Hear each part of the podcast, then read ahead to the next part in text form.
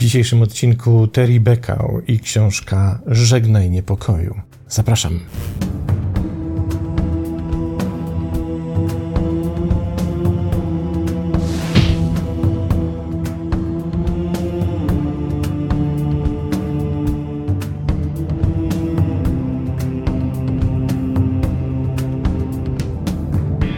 I tradycyjnie zaczniemy od tego, by sprawdzić, kim jest autorka książki Terry Beckau.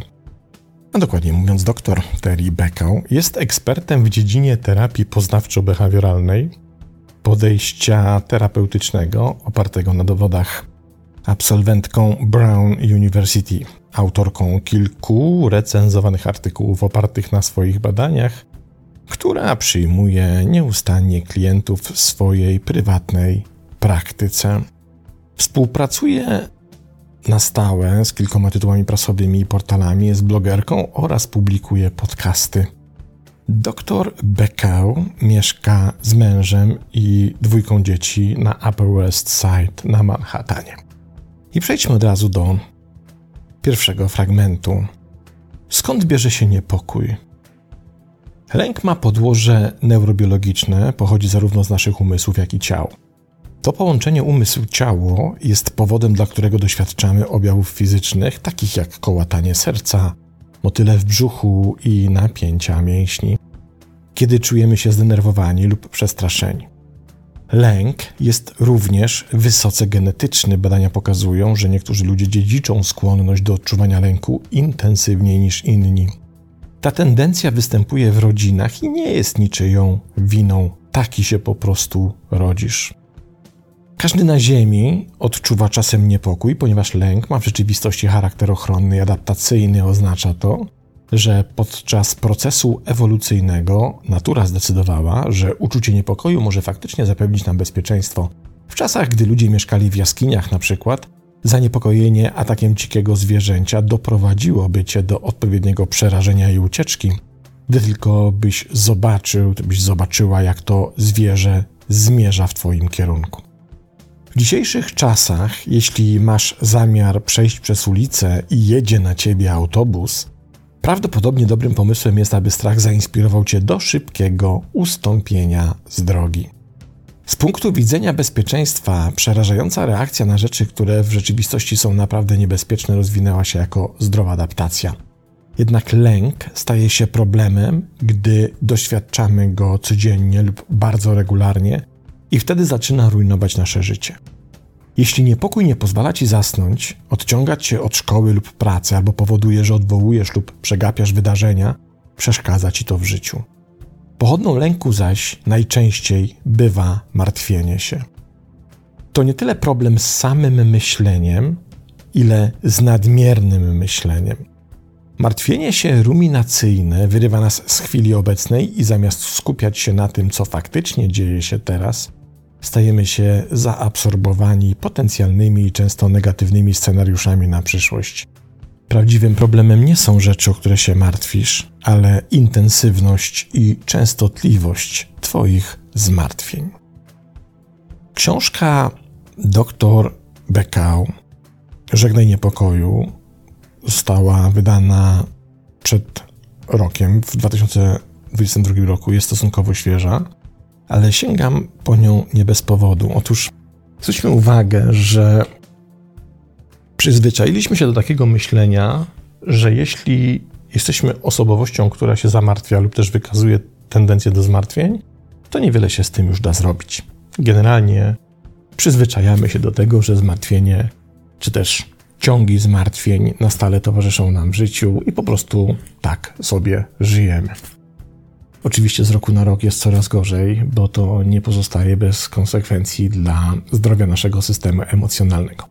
Ale to założenie jest błędne. Na świecie funkcjonuje cała masa modeli, teorii, idei, sposobów na radzenie sobie ze zmartwieniami, o których nie wiemy, których nie znamy i do których przez to nie sięgamy, z dużą szkodą dla nas samych. Książka Terry Beckau jest właśnie takim kompendium tego, w jaki sposób jesteśmy w stanie pracować z naszym własnym zmartwieniem, czego te zmartwienia najczęściej dotyczą i w jaki praktyczny sposób sobie z tymi zmartwieniami radzić. Bo tak naprawdę, i to jest jedna z głównych tez tej książki, ale zarówno powód, dla którego wybrałem ją do naszego dzisiejszego odcinka. Mimo, że oczywiście, jak pisze autorka, badania potwierdzają to, że w zmartwianiu się, zamartwianiu się jest pewien aspekt genetyczny. Przychodzimy na świat z pewnym obciążeniem genetycznym, które powoduje, że mamy większą tendencję do zamartwiania się niż inni, i to jest ok. Ale pamiętajmy, że to jest tylko jeden z elementów, jedno ze źródeł naszego zmartwienia. W rzeczywistości zmartwienie, w moim przekonaniu i z mojego doświadczenia, w większości przypadków jest nabyte. A jeśli coś jest nabyte, to można się tego pozbyć. jeśli coś kupiłeś, to nie jest twoje, nigdy twoje nie było. Możesz to sprzedać, możesz to oddać. Nie musi być twoje na zawsze. I tak jak powiedziałem, jest cała masa metod. Dzisiaj sięgniemy do co najmniej jednej, a być może dwóch takich metod, które pozwalają naprawdę w dość precyzyjny sposób uporać się ze zmartwieniem. Może nie tyle pozbyć się tych zmartwień w całości, ale na pewno bardzo poważnie osłabić ich działanie.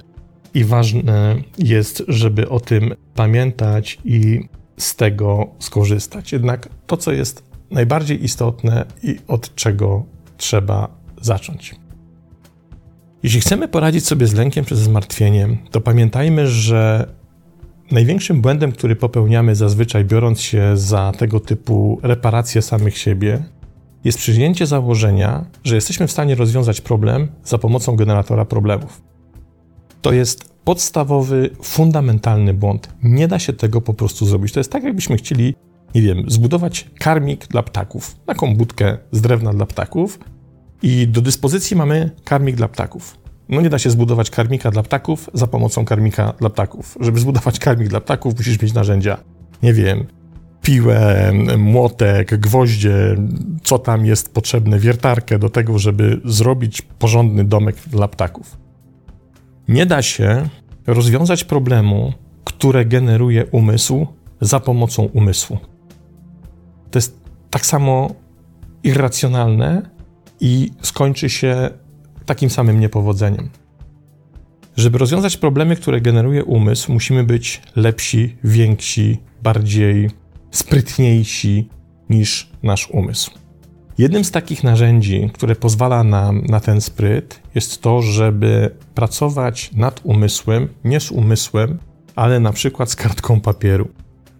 Czyli mówiąc już najbardziej prosto, jak się da. Nie jesteś w stanie sobie poradzić ze swoimi zmartwieniami, które generuje Twoja głowa, w sytuacji, w której siadasz i mówisz: Dobra, to ja teraz wymyślę, jak to zrobić. Nie, dlatego że kiedy siadasz i mówisz, ja teraz wymyślę, jak to zrobić, opierasz się na umyśle, który ci wytworzył ten problem. Musisz ten umysł rozebrać na czynniki pierwsze. Do tego umysł jest niewystarczającym narzędziem. Musisz mieć na przykład kartkę papieru, rozpisać sobie to, to obrać to jak cebulę na najdrobniejsze części, zobaczyć co jest w środku, rozebrać na czynniki pierwsze i dopiero to zaczyna powoli powodować, że ta układanka zaczyna działać w zupełnie inny sposób. To jest tak, jakbyś zacząć stosować odpowiednie narzędzia do tego, żeby zbudować domek dla ptaków, czy też karmik dla, dla ptaków.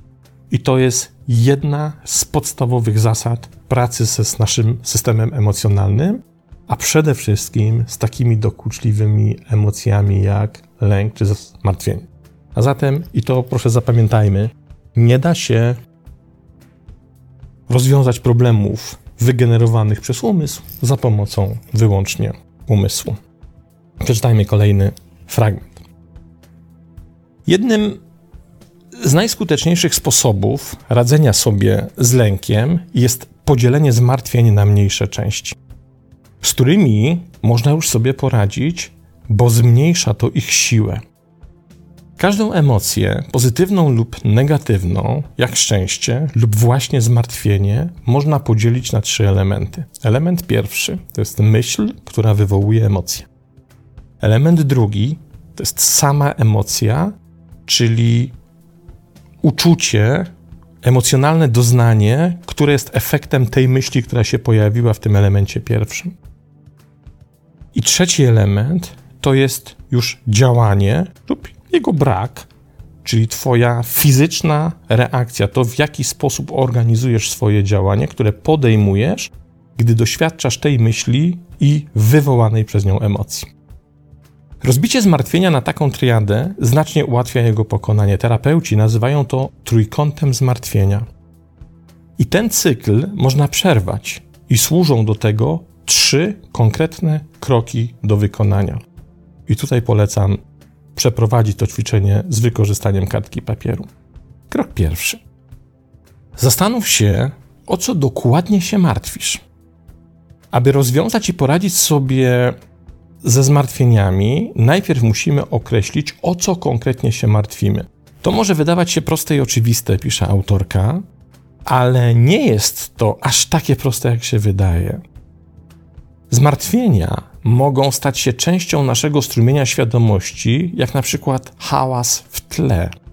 Dla przykładu, przez większość czasu wiele osób każdego dnia, czując się dość zestresowanymi, są i owszem świadome, że są zestresowane, ale nie zawsze wiedzą, dlaczego tak naprawdę są zestresowane i co jest powodem ich zestresowania. To tak, jakby nasze umysły działały na autopilocie. Tak samo jest ze zmartwieniem. Często odczuwamy ten stan, jesteśmy go świadomi, ale jednocześnie nie do końca wiemy, co jest jego prawdziwą przyczyną.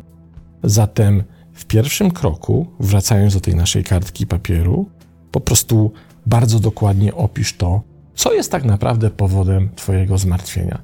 Ale już konkrety. O co się martwisz? Co budzi Twój niepokój?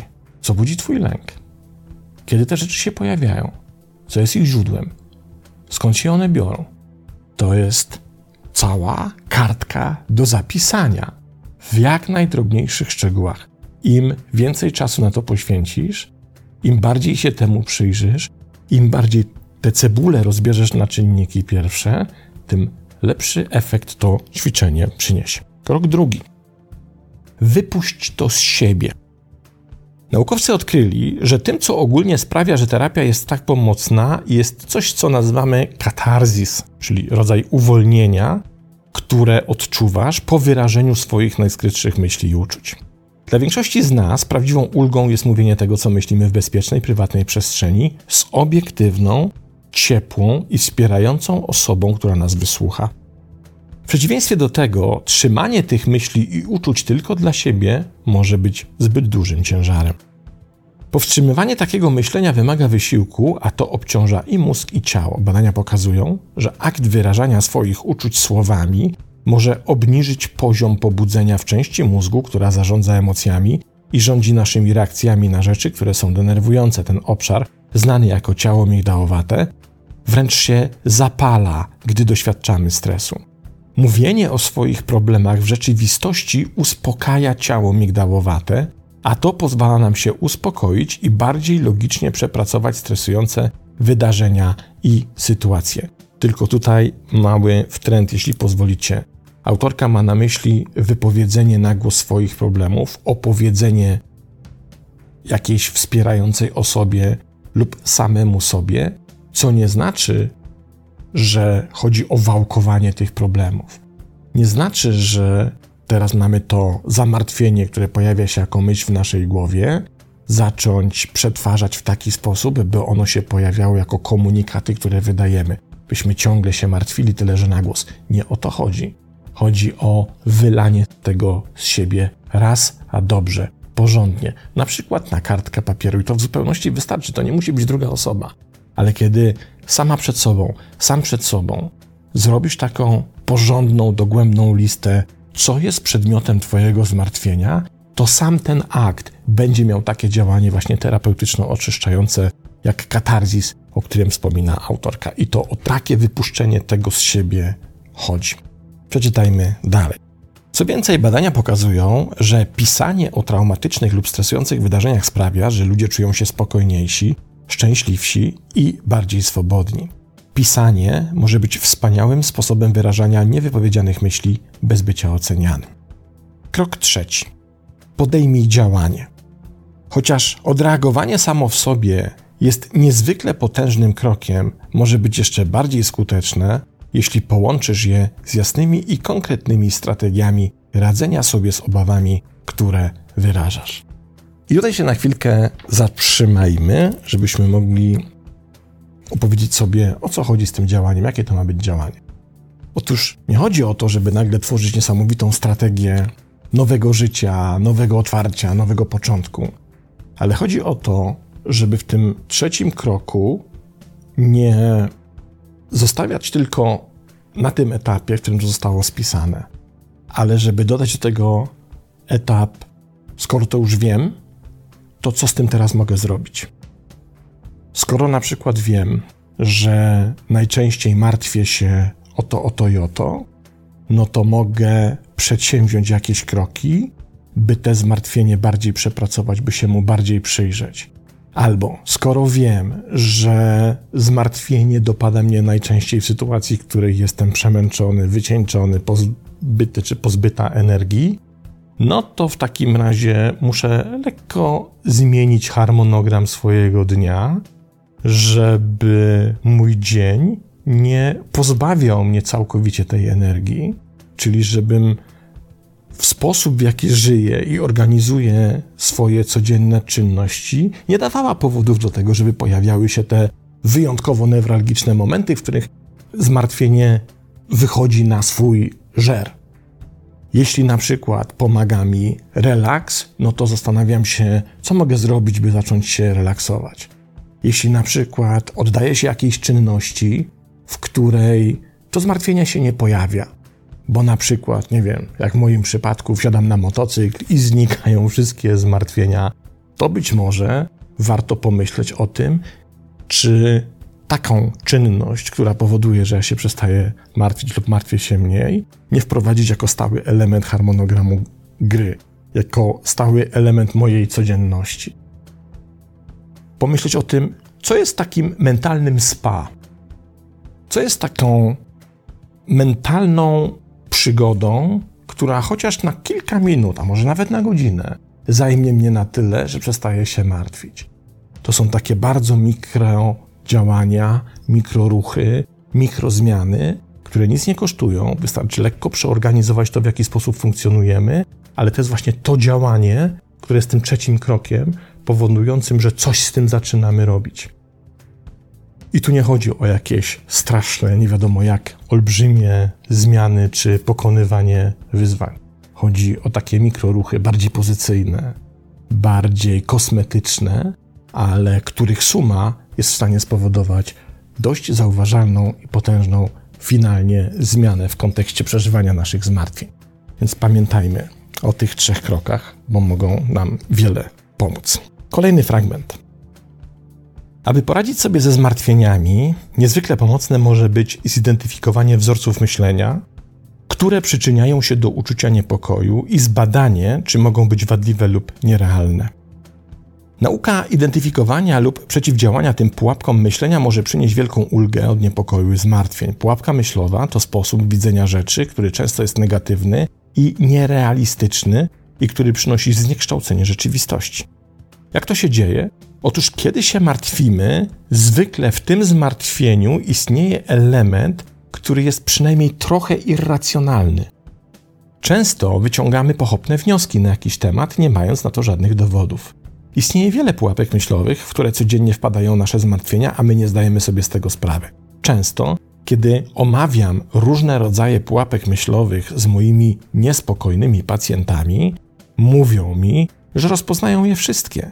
Dzieje się tak dlatego, że te style myślenia są uniwersalne. Każdy od czasu do czasu angażuje się w tego typu wzorce myślenia, zwłaszcza jeśli doświadcza niepokoju. Co więcej, często konkretne zmartwienie może wpaść w wiele pułapek. teraz uwaga. Jedną z najczęstszych pułapek jest automatyczna kategoryzacja, w której Twoje zmartwienia zwykle dzielą się na dwie szerokie kategorie. Kategoria pierwsza nazwana została przez autorkę przecenienie prawdopodobieństwa. To jest taka kategoria, w której my przeceniamy pojawienie się prawdopodobieństwa wystąpienia czegoś, o czym myślimy. Jeśli realne prawdopodobieństwo jest powiedzmy, nie wiem, na 10%, czyli z 1 do 10, że dana rzecz, o której myślimy, może nam się przytrafić, to my w tej pierwszej kategorii przeceniamy te 10% i czynimy z tego 20, 30, a może nawet 50, 60%. Czyli uznajemy, że coś, czego się na przykład obawiamy w przyszłości, wydarzy się z dużo większym prawdopodobieństwem niż wskazywałby na to rozsądek, czy też racjonalne myślenie, czy też nasze wcześniejsze doświadczenia. Druga szeroka kategoria to jest katastrofizacja. To jest taka kategoria, w której uznajemy, że jeśli to, co podejrzewamy, że się wydarzy, rzeczywiście by się wydarzyło, to byłaby to totalna katastrofa dla nas, z którą nie bylibyśmy sobie w stanie w żaden sposób poradzić.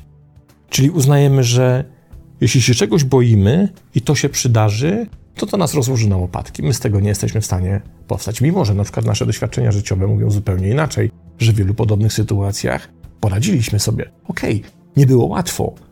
To wymagało wysiłku, energii i czasu, ale generalnie daliśmy radę.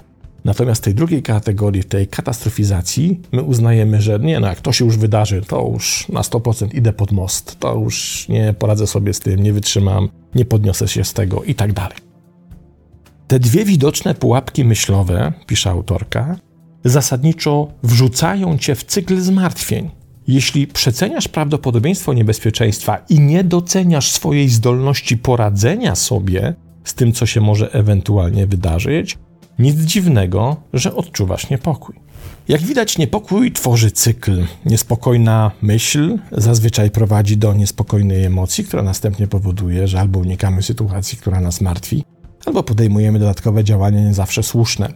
Te zamartwianie się, unikanie lub nadmierna rekompensata następnie nieumyślnie zwiększają niepokój, ponieważ nie dajemy sobie szansy na obalenie tego niepokoju. Zachowania związane z zamartwianiem się mają tendencję do subtelnego potwierdzania zmartwień, które mamy w związku z tą sytuacją, co z kolei nasila nasze uczucie niepokoju, tworząc problematyczny cykl zmartwień. Zachowania budzące niepokój, inaczej zachowania związane z bezpieczeństwem, mogą być bardzo subtelne, więc uważaj na nie. Wielokrotne sprawdzanie wiadomości ze świata, szukanie otuchy, przewijanie filmików o nieuchronnej zagładzie, królicze nory w internecie, cyberstalking, zadowalanie ludzi i planowanie ze zbyt dużym wyprzedzeniem to tylko skromne przykłady tego szaleństwa. Możesz myśleć, że te zachowania zmniejszą Twoje zmartwienia, ale w rzeczywistości tylko je pogłębiają i pogarszają. Dobra wiadomość jest taka, że możesz przerwać to błędne koło. Pomocne może być wyobrażenie sobie siebie jako prawnika, który wystawia na próbę Twoje niepokojące myśli i bada, czy istnieją rzetelne dowody na ich poparcie lub obalenie. Zachęcam Cię do stosowania tej strategii nie tylko na kilka razy, ale wielokrotnie przy każdym zmartwieniu, jakie masz. To zajmuje tylko kilka sekund krytycznego myślenia i przynosi duże zyski. Ważną rzeczą do zapamiętania jest to, że tłumienie lub ukrywanie zmartwionych myśli nie jest skuteczne. Tłumienie myśli nigdy nie działa. Ale warto pamiętać, że Twoje zmartwione myśli to tylko myśli. Możesz potwierdzić ich istnienie, a następnie powiedzieć im, żeby wreszcie zostawiły Cię w spokoju. Naprawdę bardzo polecam książkę Terry Beckau Żegnaj niepokoju 2022 rok. To zaledwie promil treści która się w tej książce znajduje, cała masa ćwiczeń, porad, technik i tego, w jaki sposób możemy sobie poradzić z niepokojem, ale to, co proszę byście zapamiętali, to nie jest nieodwracalne. Bardzo dużo niepokoju to niepokój nabyty, a skoro jest nabyty, można się go również pozbyć. I to tyle. Pozdrawiam i do następnego razu.